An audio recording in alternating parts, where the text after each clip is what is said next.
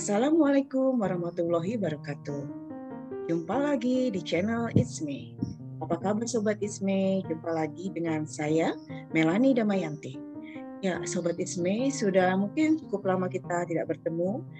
Terima kasih sudah hadir dan mungkin ya GR sedikit sudah menanti-nanti topik-topik dari podcast It's Me. Ya, Sobat It's Me, untuk kali ini saya uh, telah mengundang seorang narasumber ya uh, yang lokasinya cukup jauh ya, cukup jauh karena saya di Jakarta, dia di Yogyakarta ya. Uh, dia uh, adalah Ari Setiawan. Nah, saya sapa dulu Pak Ari Setiawan. Halo Pak Ari Setiawan, apa kabar nih? Halo, baik, sehat. Terima kasih ini sudah diundang eh, oleh Umay ini ya. Luar biasa ini kesempatan yang diberikan kepada saya. Terima kasih. Ya, Ya, Sobat Isme, saya sengaja menghadirkan narasumber yang uh, mungkin uh, cukup banyak anak buahnya. Kenapa saya uh, katakan cukup banyak anak buahnya? Uh, di sini beliau adalah seorang ketua juga sekaligus pendiri dari uh, sebuah asosiasi atau kolaborasi dosen ya. Dan ini anggotanya sudah cukup banyak ya. Um, ada di seluruh Indonesia dan bahkan juga ada di beberapa negara lain. Bukan main. Uh, Pak Ari mungkin nanti Pak Ari bisa cerita sedikit nih. Nah uh, saya mengundang Pak Ari kali ini. Saya mau ngajak beliau ngobrol-ngobrol ya tentang Sustainable Tourism Village. Kebetulan Sobat Ismay ada bocoran dikit nih Sobat Ismay. Uh, besok uh, Pak Ari punya gawean ya, gawean kalau dalam bahasa Jawanya kerjaan gitu ya, yang melibatkan banyak dosen untuk uh, melakukan kolaborasi PKM bareng uh, berkaitan dengan Sustainable Tourism Village. Wow, bagaimana sih kegiatannya Sobat Ismay?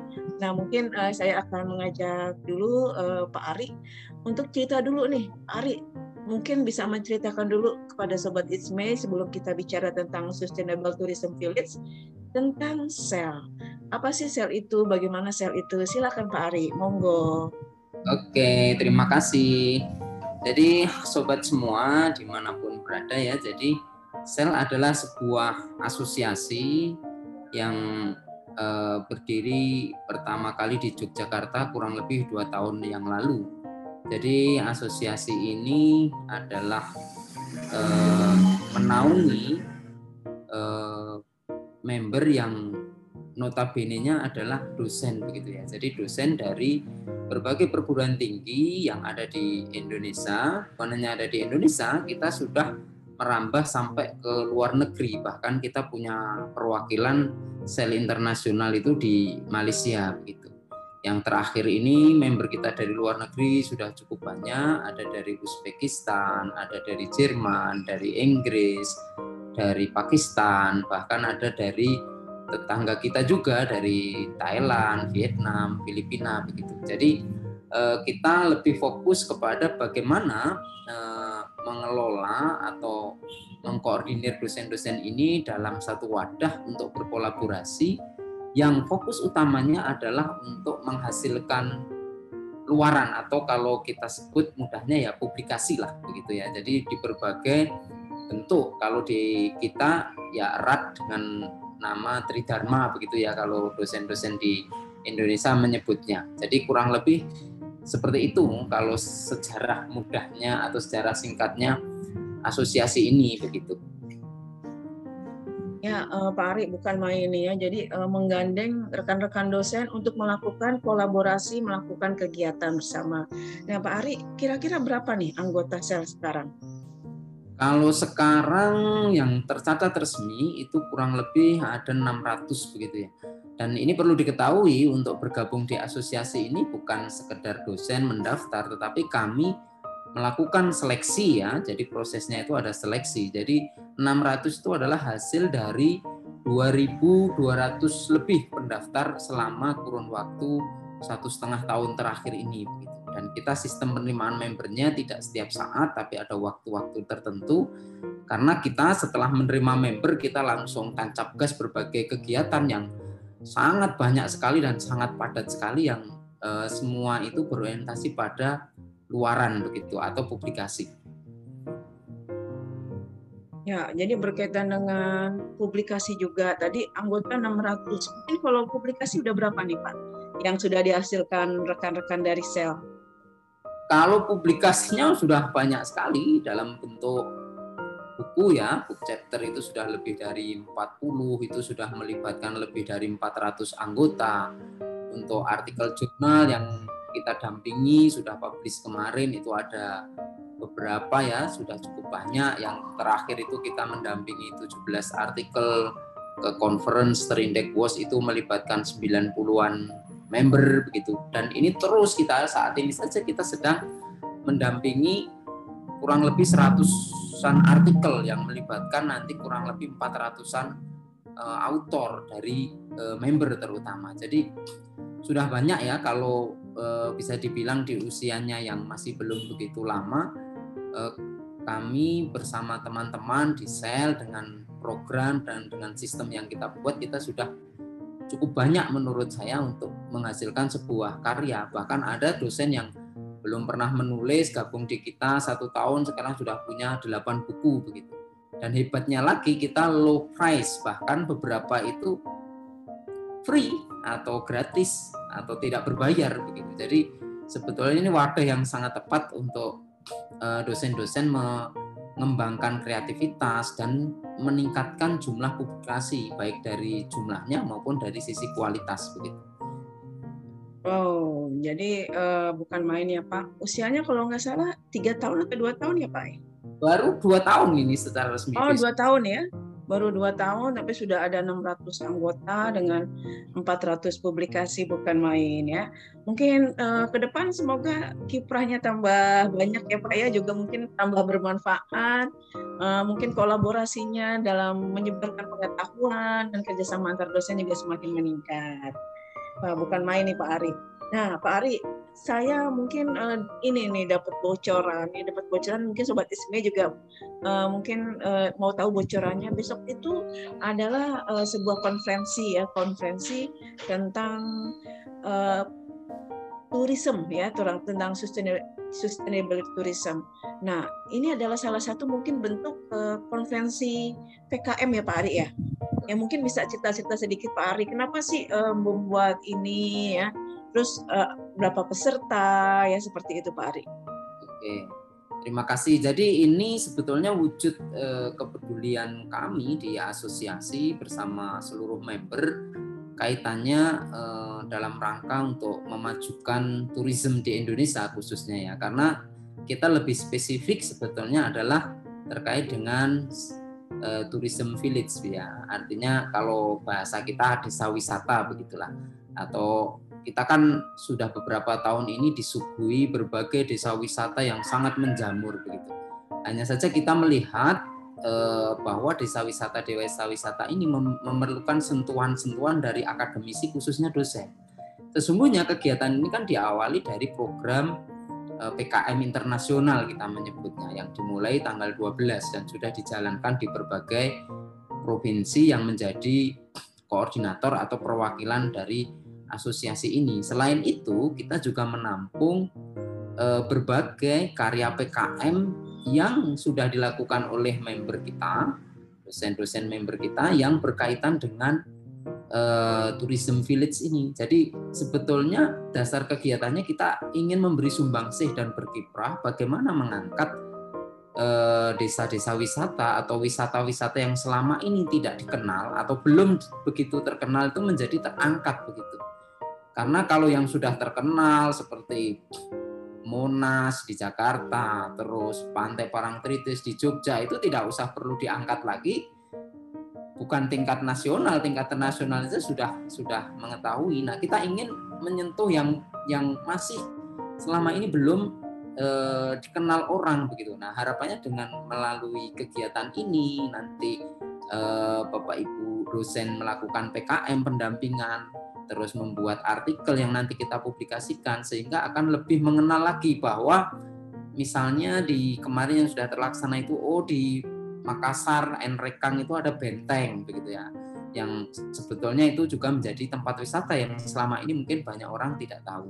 Atau misalnya kemarin di Solo itu ada kampung batik yang yang sebetulnya juga menarik untuk dikunjungi karena selain sebagai komoditi wisata juga sebagai uh, wisata edukasi kita mengenalnya begitu. Jadi kurang lebih itu sih uh, dasar pemikiran awalnya Ya, Pak, uh, ini Pak ya, memang saya sepakat sekali nih dengan Pak Ari.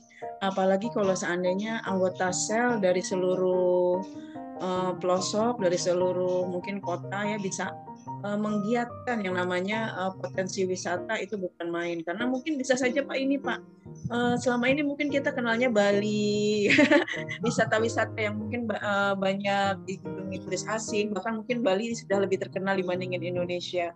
Nah mungkin kalau seandainya sedikit demi sedikit dosen-dosen ikut membantu pengembangan desa wisata, saya pikir mungkin ini bisa jadi sebuah potensi, tidak hanya mungkin potensi untuk wilayah, tapi juga bisa menjadi pemasukan untuk devisa negara, gitu Pak Arya. Betul, betul, sangat betul. Jadi eh, kami nanti ini tidak berhenti pada kegiatan besok. Selepas itu kita akan eh, membuat semacam ensiklopedi untuk desa wisata ya. Jadi mm-hmm. supaya nanti lebih banyak lagi yang diangkat begitu ya. Mudah-mudahan juga ke depan dari ensiklopedi ini menjadi embrio untuk kita geser ke dalam bentuk digital. Artinya kita buat web begitu ya, yang di situ mempromosikan eh, desa-desa wisata atau potensi-potensi wisata khususnya yang belum dikenal atau belum terkenal sehingga na nanti mampu menarik wisatawan baik itu lokal maupun uh, wisatawan internasional. Jadi harapannya seperti itu ya. Mudah-mudahan nanti dengan sokongan berbagai member, berbagai pihak, mudah-mudahan nanti kita juga bisa menggandeng Kementerian Pariwisata, Kementerian Desa gitu untuk sama-sama ini mewujudkan cita-cita ini. Gitu. Jadi ini menjadi eh, PR kita bersama gitu. Karena diakui atau tidak wisata masih termasuk tadi betul yang disampaikan Bu Mai tadi penyumbang devisa bagi kita. Mhm. Apalagi saya di Jogja itu, nah Jogja itu kalau wisatanya ditutup, wah itu susah sekali. Artinya masyarakat betul-betul merasakan uh, potensi penghasilan yang berkurang luar biasa begitu. Itu.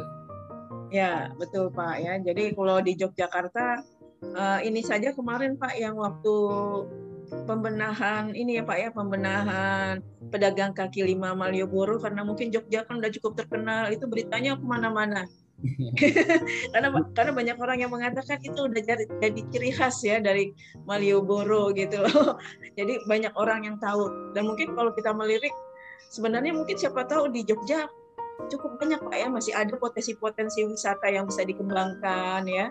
Apalagi mungkin uh, teman-teman kita teman-teman dosen di wilayah lain pasti mungkin lebih banyak um, potensi wisata yang bisa dikembangkan. Iya. E, makanya melalui kegiatan kita besok itu kesempatan bagi bapak ibu dosen member itu e, bahasa saya untuk unjuk gigi ya. Misalnya dari NTT hmm. itu kan akan menyampaikan uh, berbagai uh, jenis wisata yang ada di sana yang selama ini mungkin kita tidak banyak tahu begitu ya. Betul pak. Kita kan selama ini tahunya yang sudah terkenal Labuan Bajo. Nah, kalau itu sudah. Ya komodo. kalau itu sudah tidak perlu ya, ya. diangkat sekali gitu ya masih tetapi kan kita perlu mengangkat potensi-potensi yang lain yang ada di di sana begitu. Nah, maka kegiatan ini uh, mudah-mudahan menjadi awal nanti dan bisa kita lanjutkan terus pada program-program berikutnya yang uh, akan sangat dirasakan manfaatnya baik oleh masyarakat ya tentunya nanti berimbas ke pemerintah. Dan kalau dalam kacamata dosen sendiri ini juga sebagai salah satu apa ya kegiatan yang akan sangat mendukung Tridharma dan sangat membantu mereka ketika e, jenjang karir begitu ya. Karena kita tahu kalau di dosen kan harus melakukan tridharma dan salah satunya adalah pengabdian pada masyarakat. Jadi jadi gayung bersambut lah semuanya nanti akan mendapat benefit dari apa yang diprogramkan oleh asosiasi ini begitu. Ya uh, Pak Ari, tadi Pak Ari mengatakan uh, anggota sel unjuk gigi pada kegiatan PKM ini. Uh, mungkin kalau ada rekan dosen yang belum menjadi anggota sel itu gimana Pak? Kalau tertarik untuk ikut? Ya kita ini sebetulnya sebentar lagi ya karena ini dalam rangka Dies Natalis. Nah kita bulan eh, akhir Maret atau awal April kita akan rekrutmen member baru. Nanti eh, setiap dosen yang ingin menjadi member asosiasi ini harus eh, apply atau mendaftar pada link asosiasi. Dan nanti setelah itu akan dilakukan seleksi mekanismenya. Seleksi itu uh, fokusnya adalah kepada bidang mereka, terus diversifikasi wilayah ya. Tentu kan kita tidak ingin sel hanya didominasi dari wilayah-wilayah tertentu. Dan yang berikutnya adalah komitmen. Komitmen ini diwujudkan nanti dengan uh, kesanggupan mereka untuk uh, melakukan iuran ya istilahnya atau registrasi asosiasi karena asosiasi ini bisa hidup ya dari anggota untuk anggota selain kita memiliki beberapa eh, dana hibah yang nanti wujudnya adalah hibah penerbitan buku atau nanti misalnya eh, sumbangan kegiatan PKM atau dalam bentuk-bentuk subsidi kegiatan misalnya pelatihan harusnya kalau di luar berbayar mahal karena kita punya anggaran dari asosiasi bisa kita subsidi dan berbagai bentuk subsidi pendampingan yang uh, selama ini sudah kita lakukan. Gitu. Jadi mekanismenya memang harus mendaftar sesuai dengan limit waktu yang ditentukan begitu. Dan ini infonya sudah ada beberapa yang uh, bertanya terus begitu ya. Tapi karena kita itu ada sistem, maka kita tidak membukanya setiap saat begitu. Nanti kemungkinan April karena sebagian juga untuk uh, apa dalam rangka penambahan uh, member dan juga untuk mengganti beberapa member yang memang sudah tidak aktif di asosiasi begitu. Ya, ya uh, sobat Isme. Jadi uh, mungkin sobat Isme yang mungkin um, kalau besok tertarik mau melihat sekedar mengetahui acaranya itu uh, live di YouTube nggak Pak ya? Atau mungkin um, bisa menjadi hanya partisipan gitu seperti itu? Nah, kemarin itu memang plan kita akan live di YouTube ya, nah, oleh panitia sudah disiapkan. Tetapi kita sebetulnya juga membuka nanti eh, kesempatan bagi, bagi kurang lebih 50 sampai 100-an orang untuk bisa join begitu di di kegiatan itu yang nanti eh, link link Zoom-nya akan kita share di beberapa medsos begitu ya saat kegiatan berlangsung begitu. Kenapa saat kegiatan berlangsung ya tentu kami ingin memprioritaskan untuk member dulu yang join lah karena ini acara dari member untuk member. Nah, nanti ketika kegiatan berlangsung baru kan kita buka untuk uh, secara umum bagi orang yang ingin mengetahui. Tapi selain itu sebetulnya asosiasi ini setiap mau rekrutmen member itu dia memberi kesempatan ya bagi biasanya kan kita gabungkan di grup WA dan nanti sebelum mereka bergabung kita sudah memberitahu bahwa kita akan ada pertemuan jika ingin Bapak Ibu mengenal lebih jauh sel, cara kerja, sistem bekerjanya seperti apa itu sudah kita buka peluang untuk kita mengadakan eh, apa ya namanya pertemuan pra-member begitu. Jadi nanti biar yang yakin komitmen dia lanjut, yang tidak juga tidak apa-apa. Toh di asosiasi ini pendaftaran tidak eh, dikenai biaya sedikit pun begitu. Oke, wah, wah, bukan main ya Sobat Isme. Jadi mungkin Sobat Isme yang mungkin besok uh, berhalangan untuk uh, join ya, tapi uh, masih bisa untuk melihat di YouTube ya. Nanti mungkin akan diinformasikan linknya oleh Pak Ari. Selain itu juga mungkin kalau yang tertarik untuk join menjadi anggota, jadi member, itu juga nanti akan ada pembukaan menjadi member itu awal April. Nah, Pak Ari kembali ke ini nih kegiatan uh, tourism. Nah, kira-kira ada berapa peserta Pari yang mungkin akan presentasi dan juga mungkin uh, akan memberikan mungkin paparan tentang wisata daerahnya. Nah, ini kan antusiasnya itu besar sekali ya, mm-hmm. besar. Sehingga kami uh, menggunakan mekanisme bahwa tidak tidak semuanya nanti akan presentasi, mungkin hanya beberapa perwakilan karena mereka juga sudah mengirimkan video begitu. Sehingga uh, kita tidak tidak uh, melakukan presentasi pada semua uh, pemakalah atau pengirim uh, hasil PKM-nya kita hanya akan memilih mungkin nanti beberapa perwakilan. Karena selain itu kan kita juga menghadirkan pembicara-pembicara yang uh, mungkin nanti lebih perlu disimak kira-kira apa sih strategi untuk uh, pengembangan uh, tourism village ini, desa wisata ini. Jadi sebetulnya lebih pada itu karena uh, nanti hasil karya Bapak Ibu ini kan kemungkinan besar kan akan kita publish, jadi masih bisa dinikmati begitu. Kalau materi kan uh, sangat ter, terbatas karena hanya pada hari itu saja. Kita kan akan menghadirkan pembicara satu dari Malaysia, yang satu dari UGM, satu dari Jakarta, dan yang satu dari uh, Ambon, ya dari Ambon. Begitu. Jadi ini sangat beragam dan multi sudut pandang begitu ya. Jadi akan melihatnya dari berbagai uh, sudut pandang. Toh kita juga ke depan akan mewadahi uh, karya dari teman-teman ini dalam bentuk buku dan artikel jurnal yang nanti bisa uh, dinikmati atau dipublish secara umum begitu.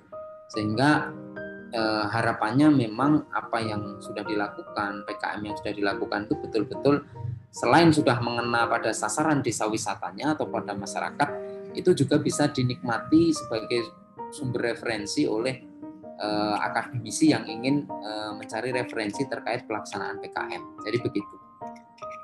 Ya, jadi eh, bukan main ya Pak Ari. Jadi di sini uh, besok konferensinya itu masih berupa paparan-paparan ya Pak Ari, tapi tidak semuanya sempat presentasi, tapi nanti akan uh, ada semacam publikasi. Kalau publikasi itu semuanya Pak ya, mewakilkan ya. semuanya. Wow, jadi uh, Sobat Isme yang mungkin yang nantinya memiliki karya-karya uh, mungkin gagasan PKM yang uh, cukup menarik, yang mungkin nanti setelah kegiatan ini mungkin ada lagi ya Pak ya? Ya, ini kan uh, sebetulnya rutin ya nanti akan Oh, kita, gitu ya. Uh. Gitu ya. Karena mengingat di kami agendanya uh, cukup banyak. Setelah ini kita harus mempersiapkan international conference yang hmm. akan terindeks di Scopus begitu karena kita menggunakan IOPS yang uh, seri EES ya.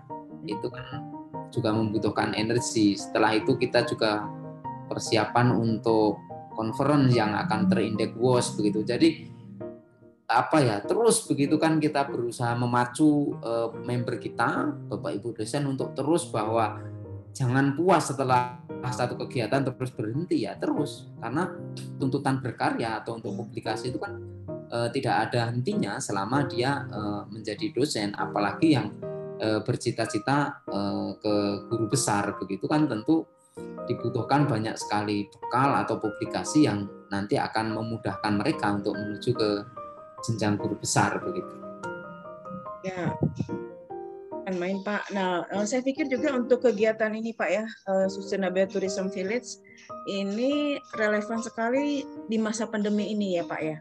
Karena di masa pandemi ini eh, wisata juga banyak yang turun, banyak yang tutup. Bahkan ya Pak, saya lihat di TikTok bahkan ada yang jadi sedikit horor gitu karena ditutup nggak ada pengunjungnya. Mungkin momen dari kegiatan Sustainable Tourism Village ini mudah-mudahan mungkin ada salah satu dari peserta di sel ini yang bisa mengangkat desa wisata yang mungkin tadinya terdampak COVID ya pandemi bisa mungkin bangkit lagi Pak. Kalau seperti itu bukan main banget Pak.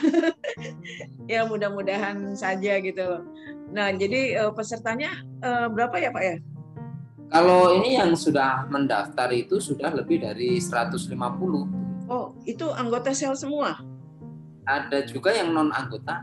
Sudah. Oh, non anggota bisa ya? Bisa. Karena ini kan terbuka juga untuk untuk oh. ya, baik untuk pemakalahnya maupun untuk pesertanya. Karena yeah. ini kan sifatnya juga terbuka begitu ya. Hanya saja yang program kemarin terprogram yang tanggal mulai tanggal 12 itu ya khusus untuk member sel saja sesuai dengan uh, wilayah masing-masing mereka. Kalau kegiatannya kita terbuka ya untuk umum ya karena paginya kan kita diawali dari dies natalis dan orasi ilmiah, siangnya dilanjutkan dengan international conference ini gitu sebagai rangkaian dari acara sebetulnya kan kegiatan ini adalah dalam rangka eh, menyambut atau memperingati Dies Natalis dari asosiasi ini yang kedua yang sebetulnya rencananya kalau tidak ada Omikron datang kan rencananya dilaksanakan touring di Jogja sekaligus yeah, yeah. ke desa wisata begitu tetapi karena Omikron simpang siur dan untuk melaksanakan kan butuh waktu yang cukup panjang untuk persiapan ya kita putuskan eh, kita menggunakan eh, skema daring begitu. Jadi ya sebetulnya awalnya kita juga pengen sekalian uh, temu kangen bersilaturahmi karena mm -hmm. ini semenjak berdiri mayoritas membernya itu belum saling kenalan saling ketemu ketemunya di dunia maya jadi yeah, yeah. akhir Mungkin, tahun. Ya, kecuali mungkin ada yang sudah kenal sebelumnya ya Pak ya. ada yang udah kenal sebelumnya mungkin sudah terbiasa saling kontak ya seperti itu. Nah uh, untuk tadi kan untuk desa turisme ini Pak uh, itu ada, ada sekitar 160 ya Pak ya. 160 ini kira-kira mungkin uh, mewakilkan seluruh provinsi, seluruh kota. Apakah mungkin dari satu kota itu mewakilkan beberapa uh, artikel atau mungkin ajuan desa wisata gimana Pak? Karena ini baru pertama jadi memang uh, target besarnya kita belum belum tercapai ya. Tetapi overall dari uh, Sumatera ada perwakilan dari Sulawesi ada dari Papua ada dari Bali Jawa uh, dari Kalimantan juga ada. Jadi paling tidak ya sudah cukup mencerminkan lah. Walaupun memang masih kurang. Jadi ini juga nanti sebagai bahan evaluasi agar ke depan mungkin persiapannya jauh lebih matang sehingga uh, desa wisata yang di yang diangkat itu semakin banyak begitu ya. Sehingga nanti eh, betul-betul kegiatannya itu selain bermanfaat untuk dosen ya tentu untuk desa wisata itu. Jadi memang kalau dari sisi keterwakilannya kita sudah terwakili ya dari masing-masing pulau ya pulau besar terutama. Tapi kalau dari sisi jumlah ya memang kita belum belum ya belum besar sekali mengingat jumlah desa wisata itu luar biasa banyaknya begitu ya. Jumlah desa di Indonesia itu kan banyak sekali, puluhan ribu. Di Jawa Barat saja dalam data terakhir tahun 2020 itu Jawa Barat sendiri itu memiliki 5.300 desa. Itu hanya provinsi Jawa Barat begitu. Jadi sangat potensial sekali sebetulnya kalau Bapak Ibu dosen itu juga terlibat dalam eh, apa ya namanya istilahnya pendampingan desa lebih khusus lagi desa wisata karena desa wisata kan sekarang didorong dan jumlahnya banyak sekali bahkan sudah ada asosiasinya asosiasi desa wisata Indonesia itu sudah ada itu oh. berarti membutuhkan apa ya namanya sentuhan dari kita untuk untuk untuk terus uh, meningkatkan mutu dan kualitas dari desa wisata itu. Gitu. Wah, saya juga baru tahu nih Pak, ternyata ada asosiasi desa wisata ya Pak ya? Iya ada. Oh, itu uh, anggotanya pemilik uh, pengelola desa wisata itu atau gimana Pak?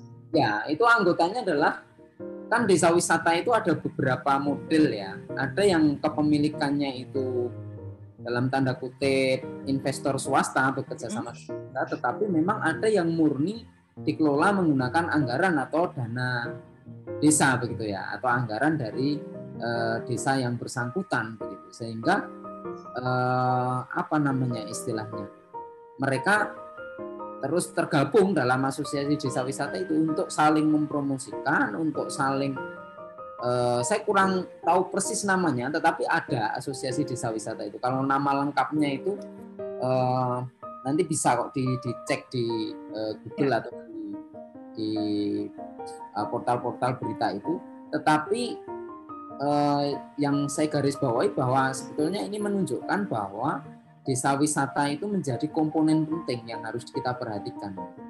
Sehingga karena kalau desa wisata, terutama desa wisata yang jauh dari kota, itu kalau tidak ada sentuhan-sentuhan akademis itu masih sangat sulit untuk berkembang. Sebagai contoh di daerah Jawa Tengah itu ada desa wisata memiliki pemandian air yang sangat jernih dan sebagainya. Tapi karena tidak dipromosikan melalui medsos, Instagram, hmm. tidak ada brosur yang memadai, tidak ada web untuk mengeksplor desa itu, sehingga uh, tingkat kunjungannya itu tidak tidak apa ya? Tidak banyak ya?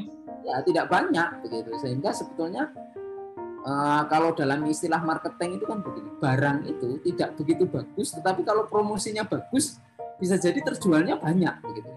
Karena promosinya itu yang yang mendorong. Ya, betul Pak. Apalagi sekarang sebenarnya medsos itu uh, memiliki ini ya kekuatan yang luar biasa ya Pak ya untuk digunakan sebagai sarana promosi ya Pak ya. Iya betul. Karena kalau di Jogja misalnya ada dua tempat wisata itu yang sangat viral di medsos begitu ya. Nah begitu itu ya sudah terus sekarang hampir setiap weekend itu nggak pernah sepi. Ya, Oh. Bermodalnya ya di medsos itu. Nah, kalau kita lihat sekarang, kalau itu kita adopsi ke konsep desa wisata, nah desa wisata kita itu terkadang, mohon maaf, sebagian itu pengelolaannya belum instagramable begitu ya. Yeah. Karena anak sekarang kan carinya yang instagramable gitu. Yeah. Terus sebelahnya seperti apa? Kalau yeah. instagramable kan itu menjadi sangat yeah. bisa di post ya di IG, di medsos. Nah itu Pak kalau di, di Jakarta ini Pak uh, udah banyak berkembang uh, dipadukan dengan kafe gitu ya Pak. Wisata wisata. Jadi kafenya itu kesannya uh, back to nature kembali ke alam. Jadi kalau hmm. orang berkunjung ke kafe itu kesannya kita berada di ya alam terbuka. Kan itu sudah banyak konsep-konsep seperti itu gitu loh. Ya, Sekarang ya, mungkin kalau teman-teman yang ada di uh, daerah dengan mengembangkan konsep seperti itu, apalagi promosinya bagus tuh bisa jadi kesempatan ya Pak ya untuk ya pemasukan dan mengangkat uh, nama desanya tersebut ya seperti itu. Makanya kita berusaha uh, mengangkat ide ini dalam international conference begitu. Karena sebetulnya potensi desa wisata itu sekarang mulai banyak macamnya itu. Kalau selama ini orang mungkin kenal wisata itu nuansa alam ya, tapi padahal sebenarnya desa wisata itu bisa karena kerajinannya, ya, situs budaya mungkin atau peninggalan keagamaan. Ternyata ya. itu juga bisa diangkat menjadi komoditi desa wisata karena ya. pengklasifikasian wisata kan ada wisata religi, wisata ya. edukasi begitu ya, ada wisata yang sifatnya rekreasi begitu. Hmm. Sehingga Nah, ini juga kan perlu diedukasikan kepada pengelola-pengelola desa wisata atau sebetulnya ada desa-desa yang uh, dia berpotensi menjadi desa wisata tapi karena tidak paham sehingga tidak tahu bahwa itu akan menjadi desa wisata. Next time ini kan menjadi agenda dari asosiasi, kita kan akan menyelenggarakan lomba laporan PK, eh, KKN desa wisata oh. mahasiswa. Nah, nanti mudah-mudahan kita bisa menghadirkan dari Asosiasi Kepala Desa seluruh Indonesia dan juga dari desa wisata ini. Sehingga nanti gayung bersambut, dosen juga bergerak mendampingi desa, mahasiswa harapannya melalui program KKN, apalagi kita lombakan, nah nanti kita mengundang perwakilan kampus mungkin, nah juga tertarik ke sana begitu ya. Artinya menaruh pos-pos misalnya mahasiswa eh, pertanian misalnya hmm. atau mahasiswa Eh, manajemen atau ekonomi bagaimana mengelola keuangan desa wisata itu kan bisa dimasukkan ke sana begitu karena salah satu kendala yang dialami oleh desa wisata itu adalah SDM ya, atau manajemen mengelola suatu usaha atau suatu tempat wisata secara baik itu terkadang masih menjadi persoalan begitu. Nah nanti dengan berbagai program ini harapannya ya bisa untuk uh, memenuhi keinginan uh, Bapak Ibu di desa untuk pengembangan itu gitu ya. Jadi karena ini juga saya kira termasuk program pemerintah ya untuk percepatan ya, uh, pembangunan kemajuan hmm. desa ini uh, menjadi PR kita bersama. Gitu. Ya. Gitu. Selain itu mungkin yang bisa ini Pak ya dengan ada pengembangan desa wisata oleh rekan-rekan dosen yang ada di daerahnya itu sedikit tidaknya mungkin uh, bisa ini Pak uh, tetap menjaga kearifan lokal ya. Nah, ya kan beda misalnya kalau saya orang Jakarta yang mendampingi mungkin dengan pemahaman budayanya yang terbatas tentang daerah tersebut ya. Jadi uh, ada hal-hal yang tidak kita value-nya. Tapi mungkin ketika rekan-rekan dosen yang mendampingi dari daerah yang sama, dia mungkin tahu oh kearifan lokal seperti apa yang harus tetap dijaga di dalam pengembangan desa wisata ya. Ya, ya Pak ya. Iya. saya berpikirnya gitu. Betul. Ya tentu yang lebih kenal kan orang setempat bu. Kan ya. saya juga ketika kita kan rata-rata kalau orang dari luar daerah ya kenalkan permukaan saja. Iya. Yang kenal sesungguhnya apa nanti yang bisa dikembangkan itu ya tentu kita harap tadi betul berbasis lokal wisdom gitu ya mm -hmm. ya kearifan lokal daerah setempat itu. Mm -hmm. Jadi mengingat Indonesia itu sangat kaya akan budaya, akan Eh, tradisi-tradisi yang sebetulnya ternyata kalau kita amati beberapa tahun terakhir ini wisata yang bernuansa tradisi, tempo dulu, nature begitu itu ternyata juga bisa mengalahkan wisata-wisata belanja ya ke mall ke ini. Ya. Nah itu ternyata kan eh, saya amati misalnya beberapa rumah makan di Jogja yang mengangkat eh, nuansa tempo dulu diletakkan di suatu desa eh, yang jauh dari hiruk pikuk, sebelahnya tanaman padi, ada bebek, ada ayam itu justru sekarang menjadi trendsetter dan lebih rame hmm. weekend dibanding mohon maaf beberapa restoran modern yang ada di tengah kota. Hmm. Artinya ini juga menjadi sebetulnya peluang yang perlu dibidik baik hmm. oleh uh, warga setempat atau oleh khususnya pemerintah daerah bahwa desa-desa itu sekarang bisa diangkat menjadi potensi wisata yang luar biasa gitu. Dan tentu ini juga akan menggeser aliran ekonomi yang selama ini terpusat di kota sedikit banyak di weekend-weekend itu akan bergeser ke ke daerah yang tentu ini akan meningkatkan pemerataan penghasilan dan ke depan tentu berkaitan dengan pembangunan begitu. Jadi ya, saya kira menarik sekali ya, betul. Kadang-kadang juga uh, selain local wisdom ada isu ini juga Pak. Mungkin ketika kita bicara desa wisata itu kan tidak lepas dari ini ya Pak. Uh, apa produk khas souvenir dari daerah tersebut. Kadang-kadang nih ketika saya berkunjung mungkin mereka cukup bagus ya uh, pernak-perniknya. Kalau di Jogja kan cukup terkenal batik dan sebagainya. Tapi mungkin kawan-kawan kita yang ada di Kalimantan yang ada di uh, Aceh atau ada di mana mungkin berpikir mereka menghasilkan produk yang cukup baik tapi pemasarannya ke mana ya mungkin seperti itu gitu kan. Nah jadi mungkin dengan adanya pendampingan desa wisata oleh rekan-rekan dosen ini bisa menjadi ini juga pak ya mereka menemukan pasar yang tepat gitu loh uh, dalam uh, mengembangkan bisnis mereka dalam ibaratkan sebuah entrepreneurship yang uh, berkelanjutan ya seperti itu pak. iya jadi itu kan nanti gayung bersambut tentu ya, betul, kalau, pak. Nah, kalau wisatanya maju produk lokalnya terangkat itu otomatis ya, ya.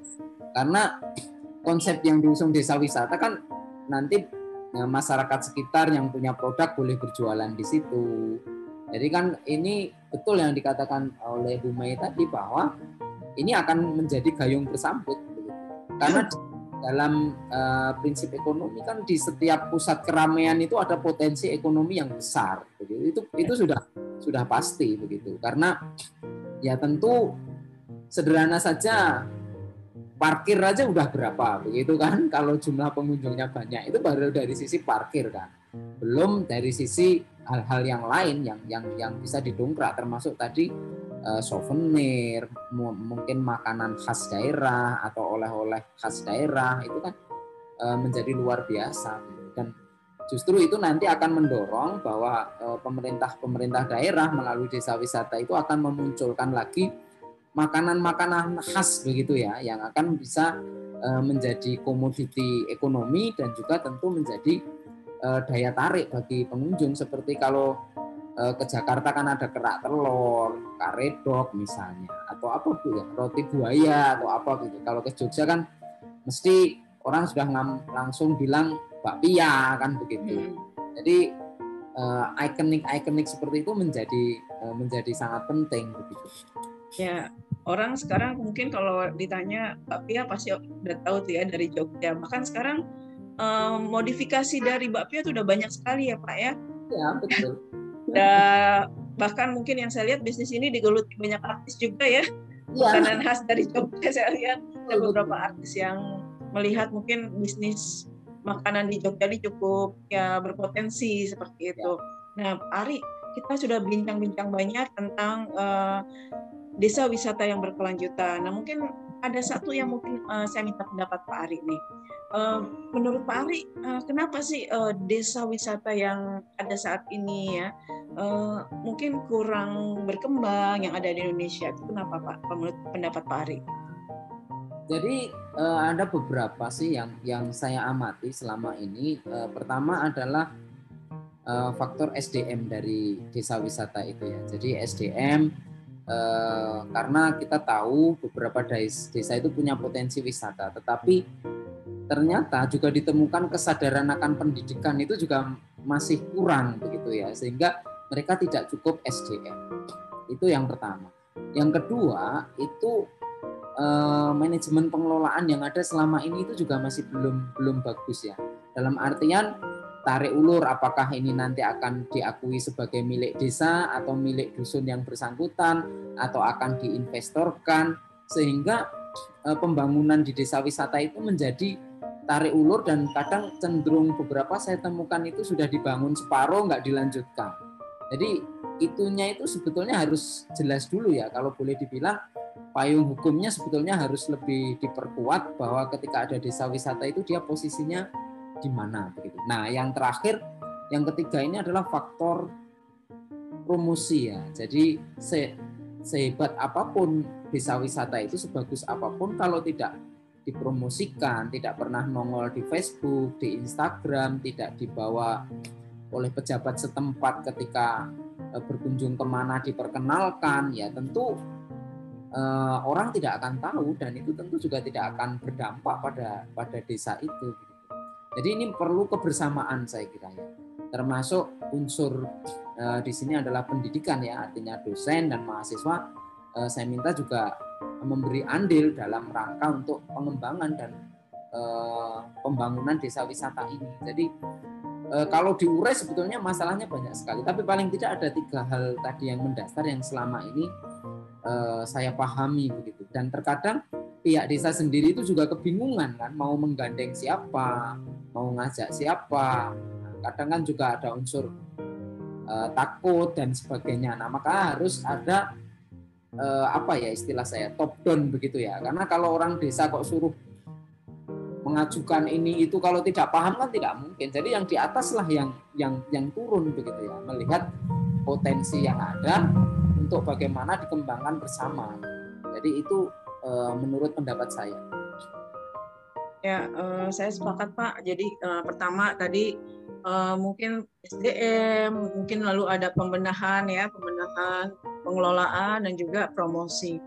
Um, saya juga kadang-kadang gini Pak berpikir juga kita berapa kali mengunjungi wisata uh, desa wisata yang cukup bagus gitu Pak ya, tapi dilihat lah toiletnya kok nggak ter, terurus gitu ya.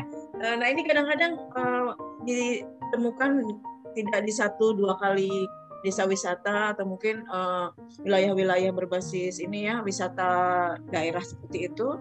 Mungkin kalau mungkin pengelolaannya lebih baik lebih profesional mungkin bisa menjadi potensi yang baik. Semoga ini ya Pak dengan adanya uh, pendampingan rekan-rekan dosen ini bisa menjadi sebuah stimulus bagi kenaikan uh, animo yang entah mungkin dari masyarakat entah itu mungkin juga dari pemerintah ya juga untuk turut bergandengan tangan membantu hidupnya kembali desa wisata ya seperti itu. Iya, jadi memang harus bersama ini. Ini kan hmm. pekerjaan oh ya, ya saya eh, saya berharap semuanya bersinergi begitu. Karena kalau kalau sinergi ya tentu kemajuan desa wisata ini akan sangat sangat lambat. Jadi jangan sampai ini menjadi jargon untuk memenuhi kebutuhan. Misalnya hmm. Tanya di kabupaten ini sudah ada berapa desa wisata? Kalau mungkin diadakan kan bisa saja kan jumlahnya sekian, tetapi kan bagaimana tadi sesuai tema besok itu sustainable-nya gitu ya. Sustainable-nya, keberlangsungannya, terus keberadaannya, membawa dampak bagaimana ke masyarakat, baik itu dampak sosial, ekonomi, budaya, terus berdampak apa kepada negara. Nah, itu itu yang perlu uh, untuk dipantau karena saya lihat dulu eh, misalnya saya keliling nih, ada dia menyebutnya desa wisata. Nah, ternyata setelah digali ditanya itu dia juga bingung ini ya. Orang di desa itu bingung ini desa wisatanya wisata apa? Itu malah mereka nggak tahu lah dulu dikasih nama desa wisata suruh ngasih nama. Ternyata wisatanya apa belum ketemu. Nah, ini kan jadi agak agak agak aneh begitu. Paling tidak kan harus ada apa ya standarisasi. Misalnya kalau kita berkunjung ke desa, oh desa ini desa wisata lurik misalnya, kain lurik karena 70% penduduknya eh, berprofesi sebagai eh, pembuat kain lurik. Nah, itu tentu akan pas begitu ya. Atau ini desa wisata eh, yang berkonsep pertanian misalnya desa wisata yang berhubungan dengan misalnya tanaman apel atau apa ya tentu harusnya di situ juga memenuhi Eh, kriteria atau memenuhi eh, persyaratan bahwa di sana ditemukan tumbuhan atau tanaman itu dalam jumlah cukup besar. Jadi konteks desa wisata ini harus dipahami bahwa adanya apa ya semacam standarisasi atau semacam pengklasifikasian dengan benar jangan sampai eh, nanti didatangi turis ternyata bingung ini wisata apa yang ada di desa ini kan begitu kan. Jadi juga itu juga tidak tidak boleh ya. Artinya eh, memperkuat itu juga juga bagus. Makanya eh, sebetulnya kalau kita cermati ya itu tinggal kita mau menunjuk suatu desa itu sebagai desa wisata itu ya harus ada basisnya begitu ya. Karena sekarang di kota-kota pun banyak ditemukan tulisan kampung wisata gitu ya, yeah. wisata. Nah, itu cuman kan terkadang kok tidak ada wisatawan yang ke sana. Nah, ini wisatanya wisata siapa kan begitu. Itu kan menjadi pertanyaan besar yang harus uh, kita gali gitu. Artinya jangan sampai um, apa ya menjadi budaya latah gitu karena muncul desa wisata semuanya mengaku desa wisata tapi belum punya roadmap, konsep, frame yang jelas terkait dengan apa wisata yang akan diangkat dari desa tersebut begitu. Ya betul ya. Jadi eh, benar sekali Pak Ari. Jadi bagaimana sebenarnya konsep itu juga harus jelas ya, tidak latah. Saya jadi ingat uh, dulu di satu kota uh, awal adanya kampung warna-warni.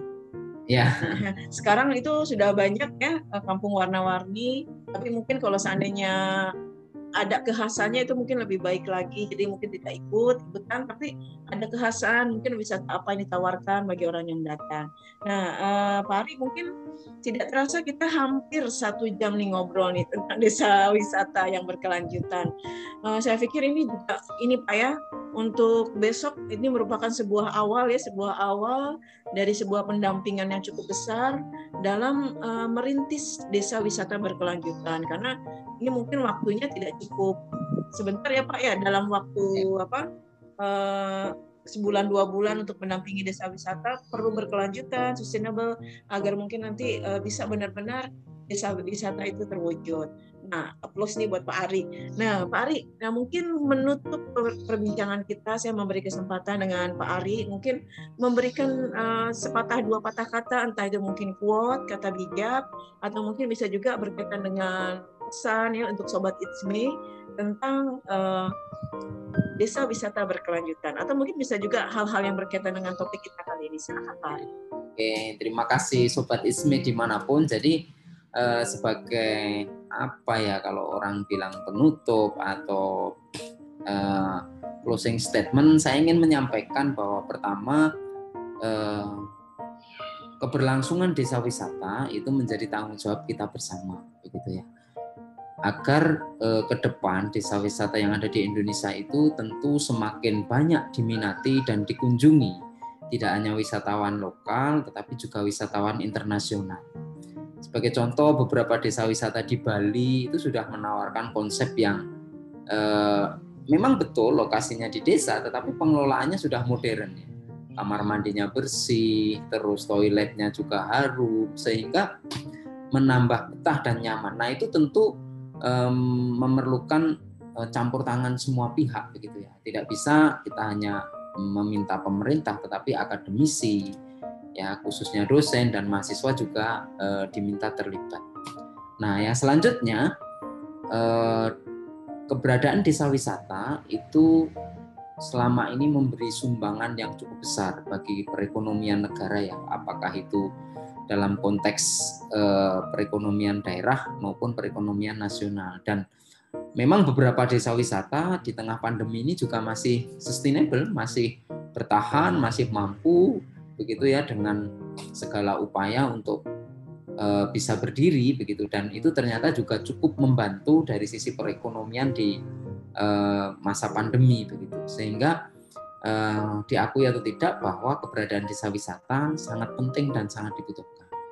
Nah, sebagai penutup, kami dari Asosiasi eh, Kolaborasi Dosen Lintas Negara atau yang biasa kita kenal dengan SEL itu coba ambil bagian begitu dengan mendukung eh, program-program desa wisata melalui pendampingan yang sudah dilakukan oleh beberapa member kami yang besok akan kita tutup secara resmi kegiatan itu walaupun nanti akan ada kegiatan lanjutan melalui International Conference PKM. Kalau sobat Itsmi ingin mengikuti nanti bisa japri ke nomor saya mungkin nanti atau ke Bumai nanti untuk mendapatkan informasi atau besok berkenan untuk kami bagi link sehingga bisa mengikuti kegiatan yang kami selenggarakan. Saya kira itu saja. Terima kasih atas kesempatannya. Ya, uh, Sobat Isme, demikian bincang-bincangan kita kali ini ya uh, bersama Pak Ari Setiawan tentang uh, desa wisata berkelanjutan. Ya mungkin tadi uh, Sobat Isme, Pak Ari sudah menyampaikan besok itu ada event. Kalau seandainya mungkin Sobat Isme tertarik, ya bisa kontak Pak Ari atau mungkin nanti saya juga post kegiatan ini di IG linknya bisa uh, lihat dari IG saya ya disampaikan uh, mungkin uh, linknya. Jadi sobat Isme uh, mungkin kita bisa melakukan kolaborasi ya uh, bersama-sama melakukan uh, pengembangan desa wisata berkelanjutan. Ya, terima kasih sobat Isme yang sudah hadir, uh, sudah singgah di podcast channel Isme. Salam sehat, salam literasi. Kita jumpa lagi pada topik yang berbeda. Wassalamualaikum warahmatullahi wabarakatuh. Terima kasih banyak Pak Ari. Sama-sama.